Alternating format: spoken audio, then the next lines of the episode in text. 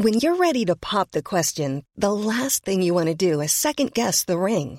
At Bluenile.com, you can design a one of a kind ring with the ease and convenience of shopping online. Choose your diamond and setting. When you find the one, you'll get it delivered right to your door. Go to Bluenile.com and use promo code LISTEN to get $50 off your purchase of $500 or more. That's code LISTEN at Bluenile.com for $50 off your purchase.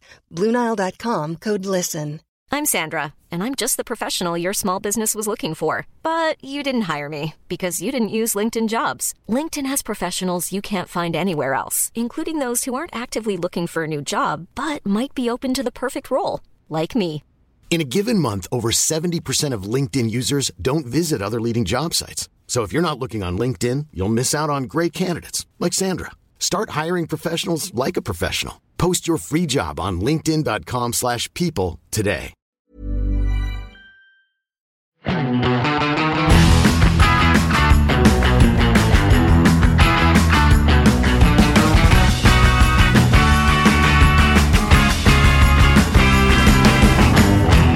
Ja, tusen takk for at du tuner inn på denne live-podkasten. Det er vår eh, første live-podkast her eh, på Rudskogen. Altså det er første gang vi gjør en live-podkast ever. Det er jo egentlig noe vi har hatt lyst til å gjøre en, eh, en god stund, Marius. Men eh, nå er vi her. Nå er vi i gang.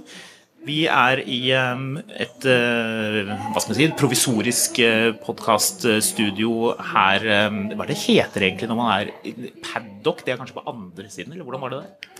Det er jo en Pit Jeg har lyst til å si vi er i pitten. Vi er i- spiller inn fra pitten. Nesten i, mer eller mindre i uh, pitten. De som eh, lytter, og som eh, ikke er her fysisk. Eh, det er lørdag, det er Porsche-festival. Vi eh, har fått med oss eh, Jonas Fritsch, som er eh, Porsche Classic-spesialist, og Øyvind Langnes, som er produktsjef og bilnerd, har jeg notert her. Det stemmer, det? Det stemmer. Ja.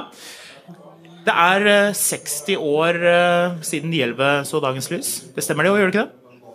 Det stemmer også. Oi. Det er veldig mye riktig her. Nå ble det gameshow. Ja, lite grann. Vi begynner der. Eh, Men jeg tenkte vi skulle begynne med bilen du kjørte hit, Marius. For du skulle kjørt 911. Jeg skulle kjørt 911. Det var planen. Gikk ut i bilen i dag og skulle starte Har en 993. Den skulle jeg starte opp. Og så kan du ta oppfølgingsspørsmålet, så får vi se hvem som vinner Reiseradioen. Hva kjørte jeg hit i dag? Hva kjørte du hit i dag? Volvo diesel. Volvo diesel, ja. Ja. Den starta ikke. Porschen startet ikke. Nei. Nei. Den var stein død. Så da ble det Volvo. Så ble jeg forbikjørt av sånn kortesje på sånn 15 911-er på, eh, på bondelandet her. Ja, som tenkte at her er far ute i Rakkestad, han skal bare hente noe Ja, jeg, ble, jeg ble også forbikjørt av en Skoda Kodiak med takboks og sånn L bakpå. Ja, så han skulle også forbi. Ja, så det, var- det var antiklimaks på vei til Porsche-festival, det. Men det hadde jo ikke skjedd hvis du hadde kjørt 993-en. Nei, antageligvis ikke. Men ok, Porsche 911 er, um, fyller år.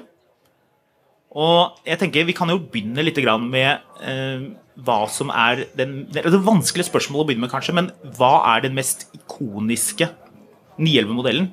Det blir jo deres personlige mening, men eh, jeg tenker det er et godt sted å begynne.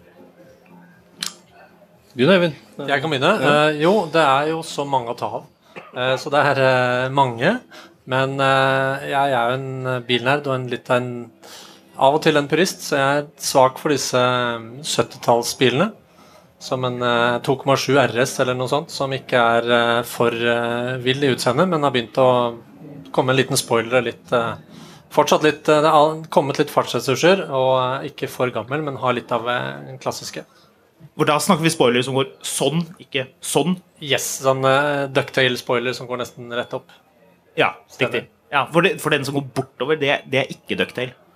Nei, det kalles av og til for Vi spør hvor stor den er. Det kalles for whaletail iblant. Mm. Hvalhale. Sånn at eh, det er, eh, det er litt, litt forskjellig eh, design på dem.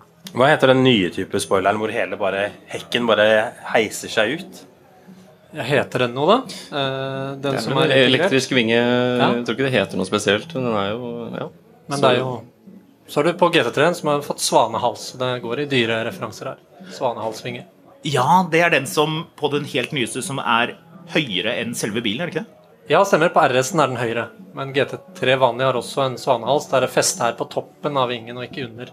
Ja, nettopp. Men den er lavere enn bilen, så det betyr at det liksom, i, i nivå av eh, prestisje og look, så er den litt lavere. Helt riktig. Hva med deg? Din favoritt 911?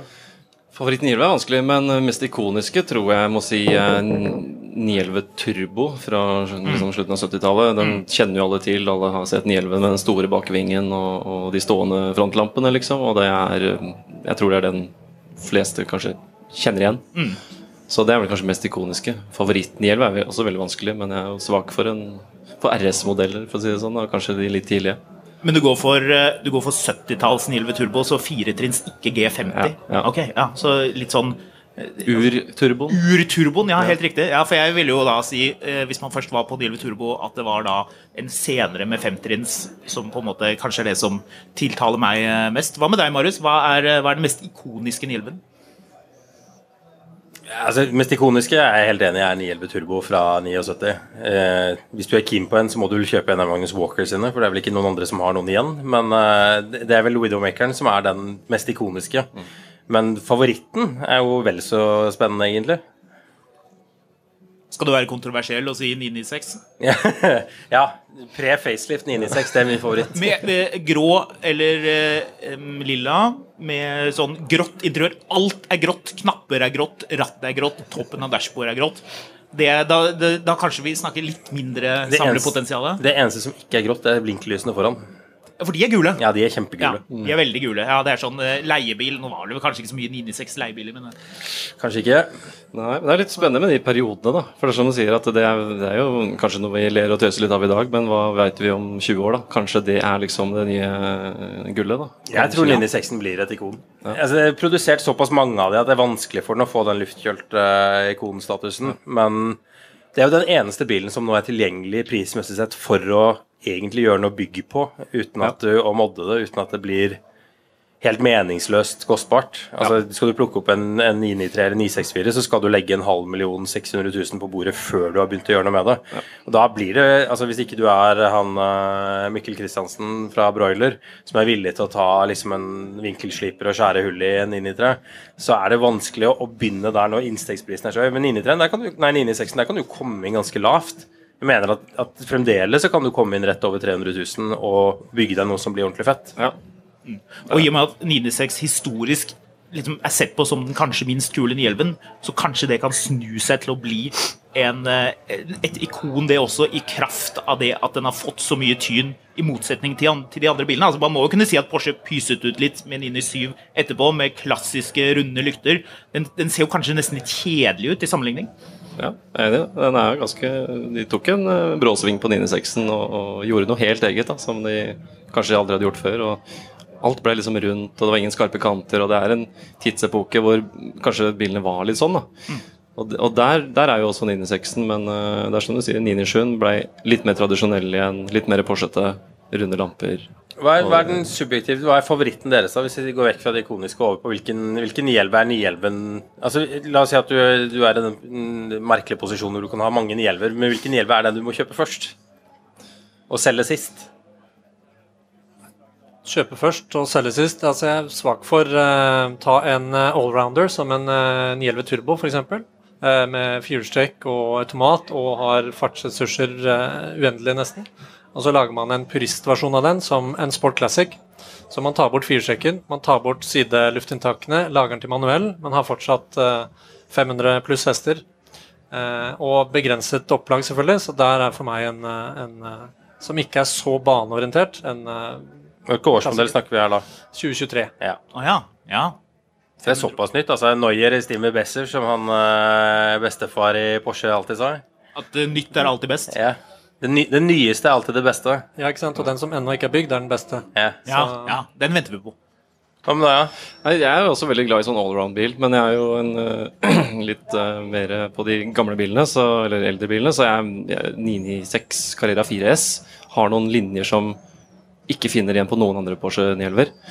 Den har litt sånn distinkt turbolook, men den har ikke hull i bakskjermene. Den har, eh, Den har breie hofter, og den er liksom utrolig slick. Og om du har lyst, så kan du feste taktelt på den og dra i skauen og telte. Eller du kan kjøre på Rudskogen en helg. Eller du kan dra på ferie til Italia. Det er litt sånn, Den gjør alt, og så er den fortsatt klassisk. Så ja. Jeg vet at du er enig i dette, Marius. Du har hatt en drøm om å ha en 996 4S lenge. Ja, det, er men det, er ikke, det er ikke den absolutte favoritten. Men det er Nei, men det er, noe, det er noe veldig kult. Jeg tror liksom man kommer litt tilbake til 996, at det, at det er noe som stemmer veldig med akkurat den modellen. Også det med eh, lyd, og det tenkte jeg vi skulle snakke litt om.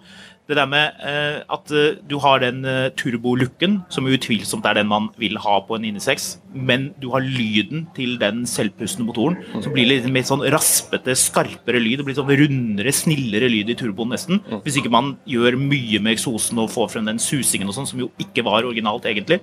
Eh, Så, jeg, så tenker jeg at, at eh, det er et bra svar, fordi det, eh, det også er mye lyd i det. Men jeg tenkte å snakke litt om det med lyd. Hva er, eh, hvilken, hvilken 911 er det som har den beste lyden?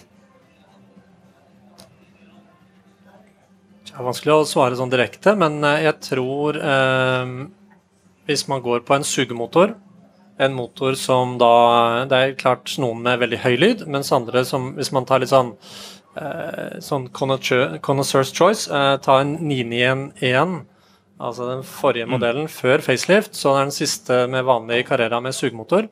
Eh, med et veldig turtallsspenn opp til over 7000, og så har du eh, den variable ventilsystemet som du får rundt 4,5, så du får en sånn fra ganske lavt eh, til du får nesten sånn syngende endring i tone, endring i melodi, helt opp til 7000. Eh, helt fritt for turbolyd, helt fritt for at turbinen knuser lyden ut av eksosrørene, og før det ble for mye restriksjoner på, på lydutslipp. Ja, nei, jeg, i, Hvis man er på, på fritt vilt, liksom, så er jeg på, på racerbil av gammel RSR eh, Porsche. Som, som selvfølgelig hadde null lydrestriksjoner, og det var jo eh, rett ut. Det er klart det er noe snerr du ikke finner igjen i dagens uh, utslippskrav og, og lydkrav, så, så det må nok bli noe, noe gammelt luftkjølt med litt turtallsvillig register. Ja. Marius, favorittlyd? 911. Det er nok noe fra 70-tallet, ja. Eh, 70-80-tallet. Manuellgir, eh, litt sånn lange gir, trekke det ut. eh, Eller eventuelt en sånn Fister 2-løsning på en 993, som jeg også syns er en fin, veldig fin lyd. Ja, det er interessant. Jeg tenker, uh, som deg, 991 uh, pre-facelift har en ordentlig sånn crispy, skarp lyd. Og det skjedde jo noe da den faceliften kom, og man fikk den, eh, den treliteren, turbomotoren. Det var fin lyd i den òg. Det var ganske mye lyd også. Den, liksom, den, den låt ganske sånn spesielt annerledes. Men rett før det Jeg føler det er flere og flere Porsche-entusiaster, altså de som virkelig bryr seg om 911, og som kan alt, som, eh, som snakker om 991 pre-facelift, at, at, at den med sportseksos var, eh, var veldig spesiell. Og det tror jeg vi kommer til å se litt også på, på bruktpriser etter hvert. At, at det kommer til å bli en attraktiv bil fordi det var den siste. Litt sånn som eh, 993 var den siste uh, luftkjølte, så kommer uh, 991 pre-facelift. Når var det den kom? I 2013, var det det? 12-modell? 13-modell? 911 kom i 12. 12, ja. ikke sant? At de bilene som, eh, som er riktig utstyrt og som, eh, som har litt smakfulle farger, at det kommer til å være noe man vil lete ekstra etter.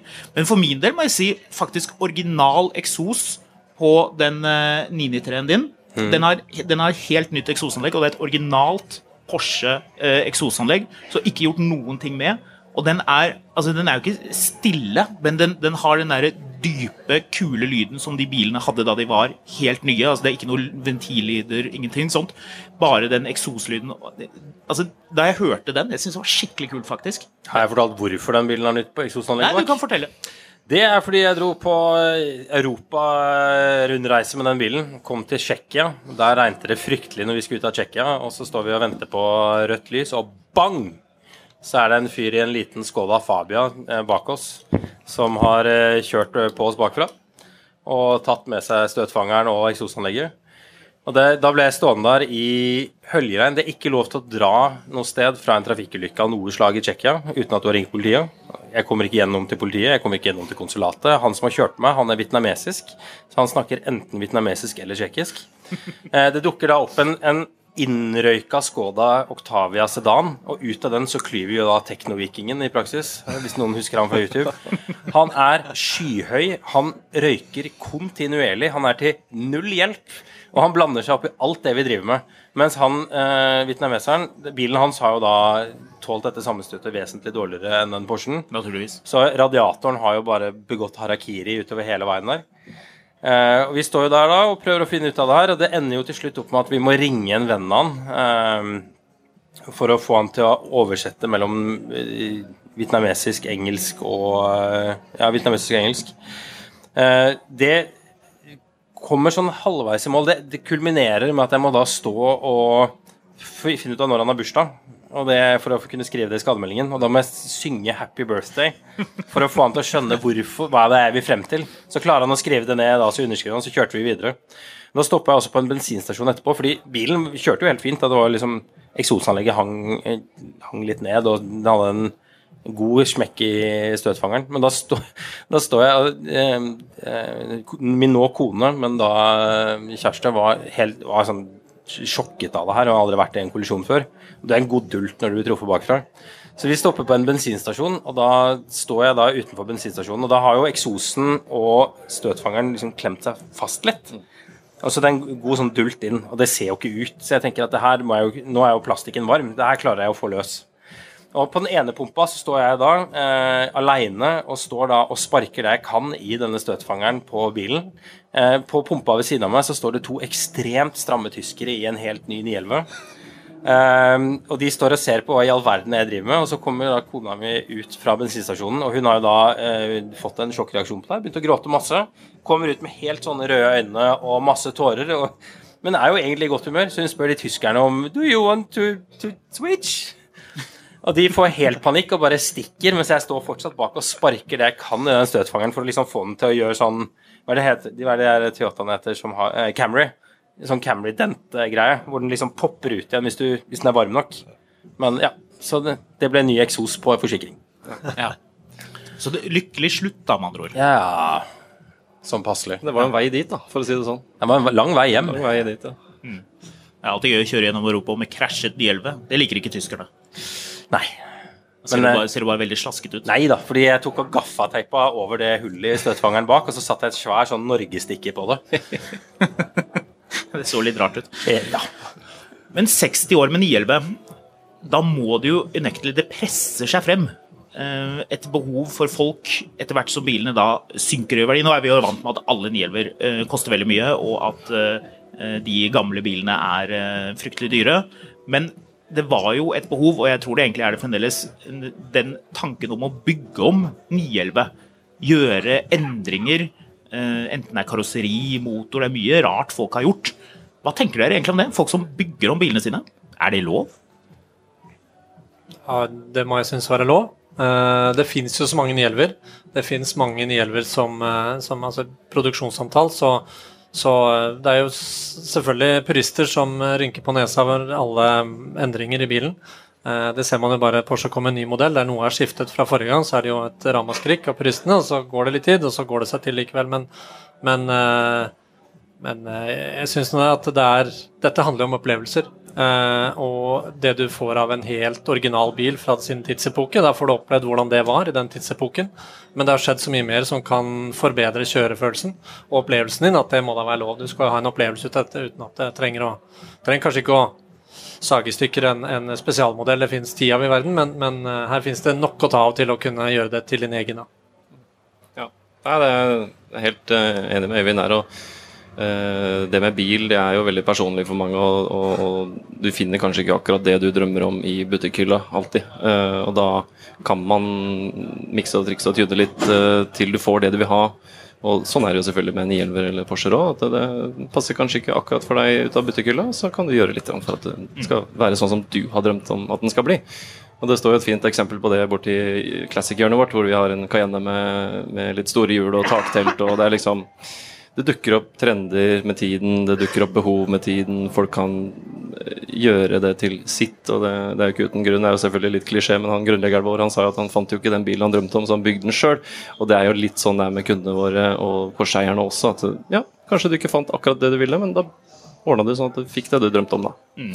Så det, Og det fins veldig mye originalt eh, utstyr å få kjøpt som, eh, som, til, til bilen din. Selv om den er gammel eller ny, så kan du modifisere den selv med originaldeler. Men eh, 964 med 993-karosseri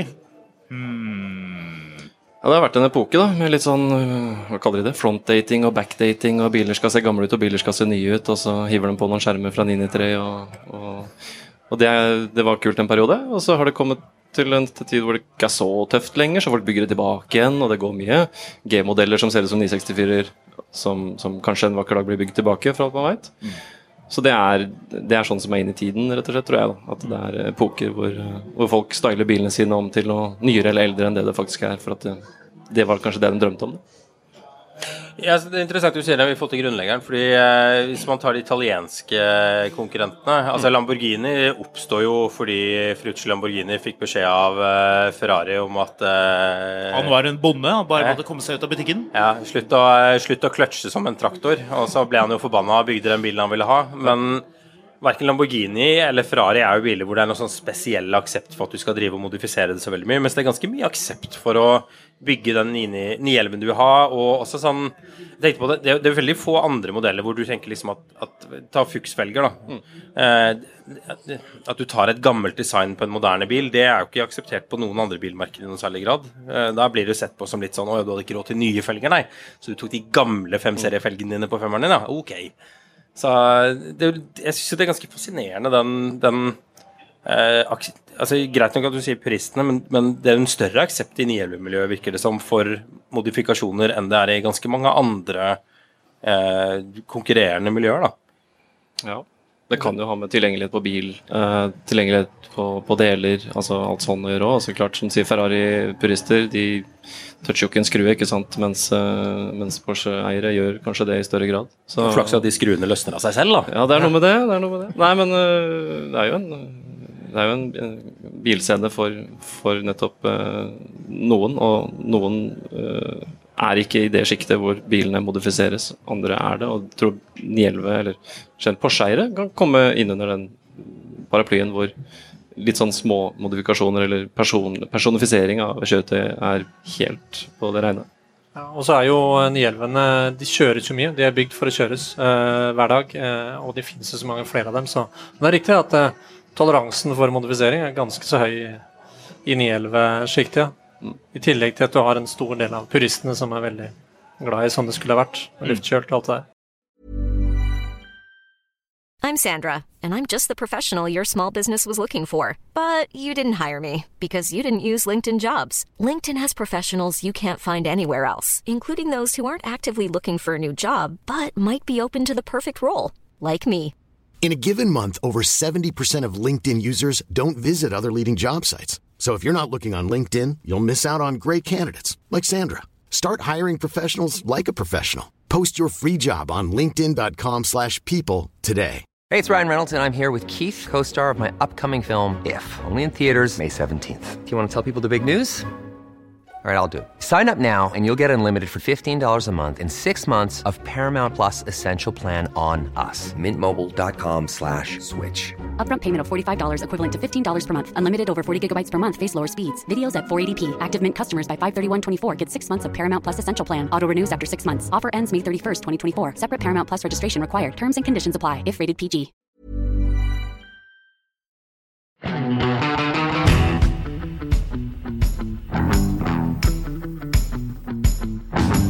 Nå er det jo blitt mange spesialmodeller fra Porsche etter hvert. De dukker jo opp i tur og orden. Det er veldig forutsigbart egentlig når det nærmer seg produksjonsslutt eller det nærmer seg en facelift. Da dukker det opp eh, alle disse modellene man håper og tror at eh, skal komme. Men så Porsche har blitt ganske gode på det etter hvert, og, og tilby det og skjønt at det er noe. Men det er jo også egne tuningfirmaer som, eh, som gjør en god del med Porsche, og der syns jeg det er litt sånn interessant å se uh, forskjellene. Noen tar det ganske langt. Du har på en måte uh, 9FF, eh, Gemballa, Roff, ting som, som blir ganske ekstremt. da. Hva tenker dere om det? Det blir litt som Mercedes og AMG. ikke sant? Vi har jo Mantai, som er vår eh, partner i forhold til eh, sånne ting. Og hva andre aktører gjør, det, det kan vi på en måte ikke gå god for. Men, men, eh, men eh, det er jo selvfølgelig kult hva de klarer å trylle ut av bilene. Så, men, og noe ser jo helt brutalt ut. og ja. Ja, og Der går det enda mer på image og, og litt sånn nesten sånn religion med preferanser på hvilket, hvilket tunemerke vil man, vil man assosiere seg med, eller vil, vil man ha. Mer enn sånn endre noen deler på sin egen 911. Jeg tror jeg fant ut for øvrig, apropos eh, Roff, hva min favoritt 911-farge heter. Irish green. Jaha. Ja, jeg så eh, den, den går igjen på en del av de Ruff-modellene som går på Instagram. Utrolig kul grønnfarge. Sånn non-metallic, eh, sånn skog Ja, det minner litt om den 993-en til han eh, åh, husker ikke, Han ene av de Porschene. Jeg husker ikke hva han heter til fornavn. Men han som har den der eh, Neue Besser-monologen. Eh, det er, den er, fargen har også vært på 993 Turbo, tror jeg. Eh, En sånn lik, lignende grønnfarge, i alle fall. ja, på, utrolig på, på 992. Nei, 993. Eh, men en modifikasjon som jeg er litt nysgjerrig på, om jeg lov. Crate Engine. Altså LS LS-swappen 996. Det er i hvert fall populært i statene. Da. Ja, ja. Det er vel litt fordi at de, eh, at de 911-motorene, altså 96-motorene er dyre å kjøpe inn, og de eh, Ja, en del av de eh, er det jo litt feil med det etter hvert som de blir gamle, og da er det jo en fristende.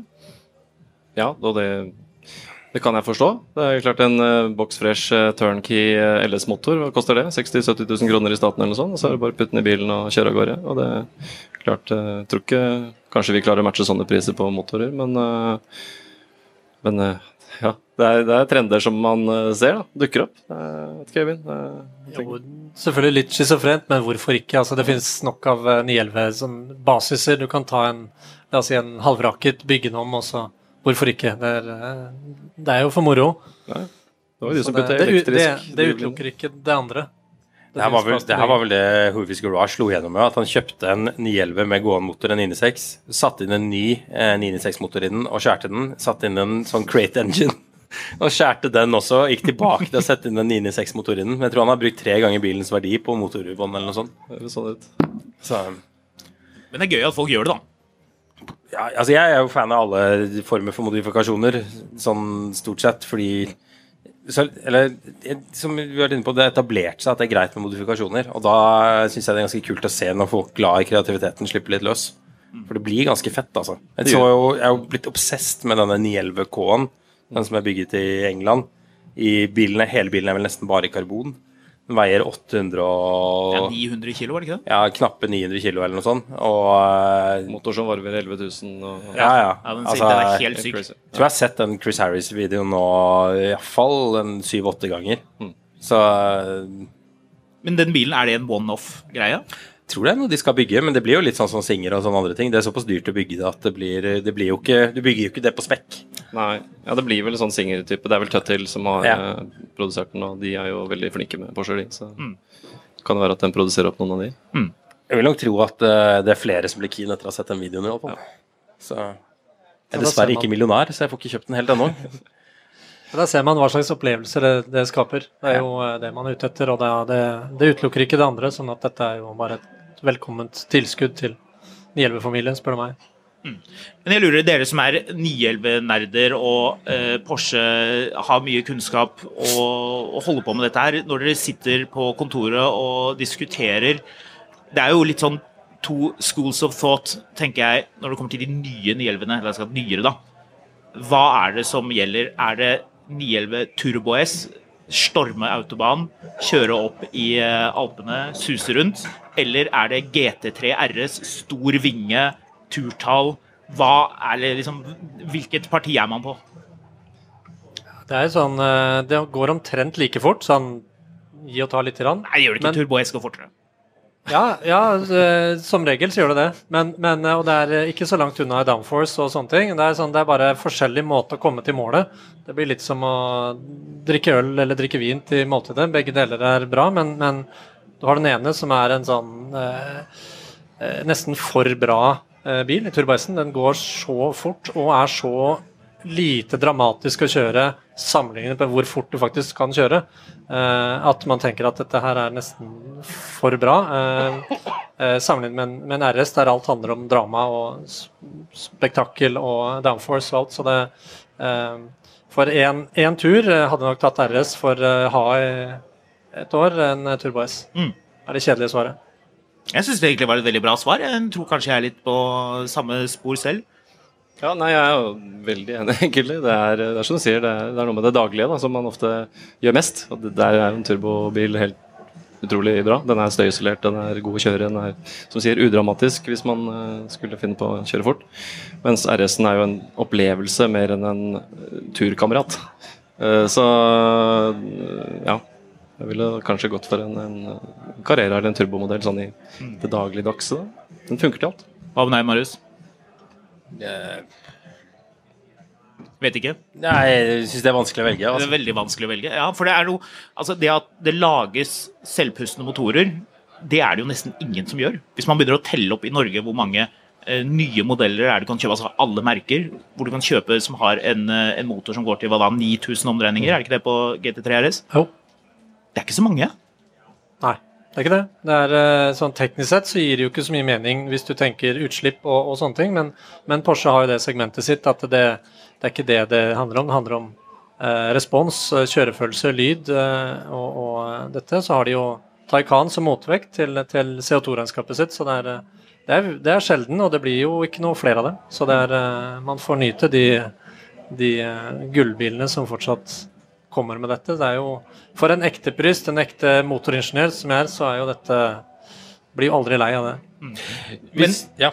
Jo, eh, vil du fortsette på det sporet? Nei, jeg har et annet spørsmål. Ja, for jeg tenkte vi kunne, Det leder oss jo naturlig til det som handler om hva som skjer i fremtiden. Det ryktes vel at det er satt av plass i girkassen på 992 til noe sånn hybrid-dildal. I hvert fall det jeg har eh, klart å lese meg frem til. Og hva er det som kommer til å skje med 911 eh, fremover? Vil det bli elektrisk? Kan man tenke seg det? Vil det bli noe, noe mild hybrid, eller noe, et lite batteri kanskje? Eller eh, vil man droppe bagasjerommet foran og putte inn batterier? Tja, det eh, må balanseres. Det er så helt riktig som du sier, det er også bekreftet eh, at det er satt av eh, Det er en dobbel bunn i karosseriet, så det er satt av plass eh, det, til batteri. Eh, PDK, girkassa, altså dobbeltclutch-girkassa, er det satt av plass til en elmotor. Det vet vi, det har det vært siden 2019. Så, så at det eh, 911 er forberedt for hybrid, det er det. Eh, og om, hvis det kommer, det får tiden vise. Og blir det elektrisk eller ikke, det, det vet ikke. Men, eh, men eh, det som vi vet, er at de siste to-tre årene så har eh, eh, skal vi si, Hastigheten på endringene har akselerert noe voldsomt. Eh, Det er veldig mye som har blitt planlagt om, om igjen. Eh, Noen modeller har fått forlenget liv, andre har plutselig kommet mye tidligere med helelektrisk. Sånn at det får vi se. Men jeg tror det som er trygt å si, er at blant de aller siste bilene som produseres med bensinmotor, så er jeg ganske sikker på at 911 er en av dem. Hvis du ikke skulle ha 911, eh, men en annen Porsche, hva er, hvilke Porsche er det det som ligger hjertet nærmest? Det er en eh, 928 GT manuell som jeg har hatt, men dessverre måtte selge i sin tid, som jeg angret på helt siden. Hvorfor det? Hvorfor den bilen? Du ble ikke lei av alle Regreim-skiftene hele tiden? Jeg slapp eh, de skiftene, eh, heldigvis. Du hadde litt kort. Det var derfor jeg solgte den. Jeg hadde den kort. Eh, nei, den er jo en eh, eh, Hvis du sa at eh, Hvis man eh, tenker at eh, Det er jo en eh, mer en eh, Grand tour sammenlignet med 911, men samtidig så har den en, en veldig avansert bakhjulsoppheng. Weissach. Den har en transaxle, så girkassa ligger bak. Vil si at V8-en ligger eh, godt tilbake. Bilen er ganske balansert. eh, god å kjøre, mye tyngre enn 911, men fortsatt god å kjøre. Du har en 5 liters V8, fireventilstopp, over 300 hester. Eh, bakseter fortsatt. Eh, og utseendet er noe man kan like eller ikke like, men det er jo ingen biler som ser ut som den. Eh, den ser nesten litt moderne ut allerede nå, kom i 1977. Dette var bilen som skulle erstatte 911 sånn opprinnelig. Til, til noen kom inn på kontoret og er dere gale. Selvfølgelig skal vi ikke slutte å lage 911, men, eh, men det var vel det som var grunntanken i alle fall. Det var tanken, og, og derfor la de veldig mye utviklingsarbeid i den. Og så var det sånn at 911 solgte jo fortsatt mer enn den, så de sa kan vi ikke drepe 911. Så vi, da ble de parallelt, og så var det den som eh, forsvant eh, i stedet. Jeg er jo en veldig Cayenne-fan, da. Så det, Ja, jeg er jo litt uh, der. Så Hvilken? kanskje slå et slag for generasjon 2 med V8 diesel. Kanskje Ja. en av de beste Porschene jeg har uh, sittet i. Det er sjelden fugl i Norge. Ja, det er sjelden full. Det er ganske kul lyd i de bilene òg. Ja, det er det. Og så er det, det, momentuttaket som den bilen har, er enormt. Altså. Det er en kjempefin bil å kjøre. Og en Cayenne er jo, som mange kanskje ser på, en sånn dagligdags-Porsche, men eh, de er jaggu litt sporty òg, hvis, mm. hvis man ønsker. Første generasjon eh, Cayenne Turbo var jo en eh, revolusjon da den kom. Ja, det var, eh, det var rakett på, på stylter. Mm. Så, med et forbruk deretter, selvfølgelig. Men eh, det, den fikk, eh, fikk eh, satt, eh, satt nåla på kartet ganske godt, den. Når mm. alle tvilte på at Porsche skulle gjøre det bra med en SUV, så har vi jo sett nå eh, Det er jo en av de volummodellene. Og så er det jo praktisk, for når eh, dørene begynner å ruste, så kan du kjøpe noen på skraphaugen fra en Tuareg. Ikke sant? Mm. Så det gjør det veldig convenient Ja, det er veldig greit. I hvert fall første generasjon. Ja, første generasjon. Har lagt inn bud på en på auksjonen. Har du det nå? Ja. En turbo? ja. Jeg håper virkelig ikke jeg vinner den, for det tror jeg er en utrolig dårlig bil. Men impulskontrollen var litt sånn smådårlig i går. Jeg tror jeg la inn et bud på 44 i går. Litt eh, registerkjedeproblemer da? Jeg tror det er mye problemer der. Det der, det der lukter sånn eh, enten levert hos auksjonen før namsmannen henta den, eller rett etterpå.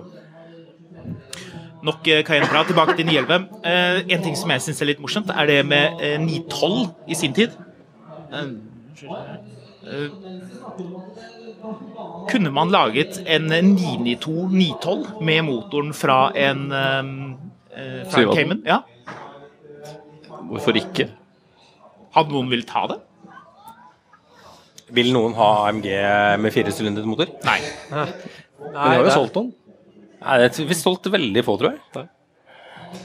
Ja, Hvis du snakker for Norge, så tror jeg at eh, hvis man ser på salgsstatistikk på hva som selges av basemodeller og oppover, så, så tror jeg ikke det hadde vært eh, så mye. Da har man jo en basemodell, og så har man en T som er litt sånn der bevart motoren, men har fått en mer kjøre- landevei-innrettet bil. Men, eh, men man ser jo spesialmodeller for andre ulike markeder, bl.a. Kina, som har Cayenne med fire sylindere av to liter eh, i hybriden sin og sånn, men, eh, men eh, Et land som også har Audi A6 lang, da. Så ja, ikke sant? jeg Sånn vet ikke helt. For Norge så tror jeg kanskje ikke det hadde vært Men det, hvem vet, det kan være at det kommer eh, som et tilskudd. Det hadde vært gøy, da. Absolutt. Absolutt. Det blir en veldig lett 911, eller 912, da. Som man, Men kan du ikke bare kjøpe en, en Cayman, da? Jo, selvfølgelig kan man det. Men da er det jo ikke 911, da er det jo ikke den fasongen. 911 er blitt svær, altså. Eh, Jeg glemmer det litt. Jeg, lå, jeg kjørte ut, herfra, eller ut hit til Volvoen min i stad og ble forbikjørt av alle disse 911-ene, så gikk det en Super Carrera forbi meg først, og så kom det en, eh, en 992 etter den forbi. Når du ser de to bilene ligge etter hverandre, så ser du hvor, hvor stor 911 faktisk har blitt med årene. Ja, den har vokst veldig. Det Den har blitt mer mot luksus også, men det er eh, Du ser ikke, den er proporsjonert ganske godt, men du ser ikke før du sammenligner med den, spesielt på bredden.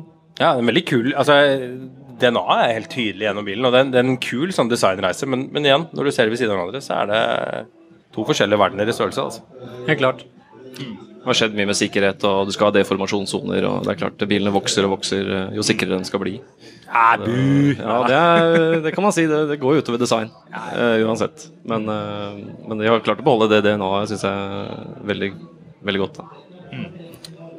Det har jo skjedd en del med vekt også. De blir jo tyngre, selv om 911 jo fortsatt er en relativt lett sportsbil sammenlignet med, med andre. Jeg tenkte på det, jeg lå bak en 964 da jeg kjørte hit. Hvor smal og liten den er, som Marius poengterte. Men også hvor, hvor lette de, de nye bilene er eh, i forhold til noen av konkurrentene. Jeg kjørte hit i en BMW M2, den veier 1740 kg med automatiker. Det, da begynner det å bli ganske mye. Eh, Så det blir jo gøy å se hvis det kommer en hybrid eh, 911 på et eller annet tidspunkt. Kanskje det blir en eh, GT2 RS. Kanskje. Vi får se. Kanskje. Eh, Men uansett eh, hva vekten blir, da. Om, det, om man må øke sånn som konkurrenter, eller om man klarer å holde det nede. Ja, 911 er jo, eh, de er jo opptatt av å holde vekten nede på disse, og det er mye vekt som går med til lydisolering. Der er ikke, skal, 911 skal jo ha en del mer lyd, sånn at det, der kan man spare litt. Og så er det fordelen med at 911 er en dyr bil, så de har mer råd til å bruke mer eksotiske materialer. Eh, høyfast stål, aluminium, eh, karbonfiber, sånne ting, som gjør at det holder vekta nede. Som kan forsvares i en tross alt såpass dyr bil som 911 er. da. Du har jo en 964, har du ikke det? Jo. Har en 90-modell Carrera 2. Ja, Fortell litt om den bilen, for der har du gjort litt jobb, har du ikke det? Ja, den, eh, det er jo en USA-bil. Ble solgt ny i Beverly Hills og gikk der de første åra av sitt liv. Så kom til Norge og den har jo levd et liv, da. Så jeg måtte jo hellakkere den og rette opp en gammel skade og litt sånne ting som var, eh, var der. Og så, ja Når den har eh, gått noen hundre tusen, holdt jeg på å si, nå har ikke det, den har gått 130 nå, men det var moden for en, en motorgjennomgang, og da var det en knekt strekkbolt, som ofte er litt sånn problem på Eh, kan være på de luftmotorene. At de strekkboltene som sitter fra motorblokken og helt ut til toppen, de strekker seg og krymper hver gang motoren blir varm og kald og varm og kald. Og til slutt så kan de knekke. Og Der var det en strekkbolt som hadde gått, og da er det egentlig like greit å bare rive det ned og sette det sammen på nytt og bytte alle pakninger og gå overalt. Så den har fått seg en ja, Merka du noen forskjell på motoren etterpå? Nei, jeg, jeg, gjorde ikke det. Uh, den har vel egentlig ikke fått noe tuning eller noe sånn. Den har bare rett og slett bare gått over og sett at den er i orden og fått nye strekkebolter og, og uh, slipt ventiler og, og, topper og litt sånn. Så jeg merker ikke all verden, jeg gjør ikke det. Altså. Så, men jeg er også litt sånn opptatt av at uh, så lenge det er originalt, så virker det. Men så fort man begynner å trimme og tune og herje, så går det i filler. Og det er en bil jeg skal kjøre på ferier og bruke mye, så jeg er ikke interessert i å stå i Sør-Italia med motorhavari. Eh, det er morsommere ting enn å kjøre kranbil hjem. Så. Ja, altså Uka før jeg skulle dra på den uh, famøse europaturen med den 993-en, så skulle jeg en tur til Sverige to uker før. Og Da skulle jeg plukke opp en kompis oppe på Ryen. og Mens vi står på tomgang utenfor der og venter på han, så begynner det å lukte veldig olje. Så går jeg bak og kikker, og da renner jo så, så å si olja ut av toppdekselpakninga på bilen. Ja. Og overalt. Og Det var sånn ca. samtidig som det var en, to eller tre av de som tok fyr i full fart inn og ut av Oslo. Ja. Så da var det rett å finne noen som kunne hastegjøre den jobben der. Mm. Det var kjempegøy en uke før. De røyk halve feriepengene, for å si det sånn. Ja, det er ofte sånn det blir med litt uh, tilårskomne biler. Man, uh, man, forventer at de bare skal virke, kanskje, og plukker dem ut fra vinterlagring uten å sjekke at uh, bensinslanger ikke er morkne og oljeslanger ikke er blitt stive og harde. Og da kan man jo komme ved et tidspunkt hvor det ryker. og da, mm. sånn som du sier Da da renner all olja på bakken, eller plutselig så står bensinspruten inne i motorrommet, og det er i hvert fall ikke noe man ønsker seg. så um, så det er jo noe første man må sjekke hvis man, hvis man kjører gammel Nielva og plukker den ut på våren. Det, er det første man må gjøre, er å passe på at det ikke kommer bensin i motorrommet. Ikke noe klassisk Biolal uten en ødelagt ferie og kjørt en erstatningsbil, tenker jeg. jeg er veldig enig. Det er den dente 928 har jeg også skulle jeg på ferie sammen med da kjæreste, nå kone, eh, to uker i Europa. Det ble eh, startmotorhavari. Den havna på Porsenter Malmö, og det ble Volvo diesel gjennom Europa. sånn at det hører til eh, denne livsstilen, det. Høres ut som noe jeg kan relatere til. Eh, helt til slutt tenker vi skal lure inn et lite spørsmål til dere Porsche-eksperter. Det der med, altså De skal jo brukes, disse 911-ene. Men hvor gammel 911 kan du kjøre året rundt? Kjøre på vinteren nå? Hvor setter dere grensen for det? Dette må du svare på, Jonas. Det spørs jo litt hva man tillater seg, og hvor vondt det gjør i sjela å kjøre rundt i gammel elve. Men jeg vil jo kanskje si at uh, galvanisert karosseri er jo en fordel. Uh, så G-modell og framover, da. Uh, men man kan jo kjøre alle Porschene hele året, så lenge man vasker dem, tar vare på dem, passer på at ikke møkka samler seg i, i kriker og kroker. For det er jo der det ligger og murrer og ruster opp. Så de tåler vinteren. De gjør det. Så Veit om flere som kjører 356 mm. på vinteren, og det er sikkert en fin vinterbil, det. Mm. Bra. Tusen hjertelig takk, Jonas eh, Øyvind. Veldig eh, hyggelig å prate med dere. Nå skal eh, Maus og jeg tusle litt rundt og kikke på de gamle bilene og de nye bilene, og det er løp, og det er mye som skjer. Så da tenker jeg at vi bare skal gjøre det. Ja, men før det så skal vi snakke med Brum-Vegard og Jugeren om Porsche.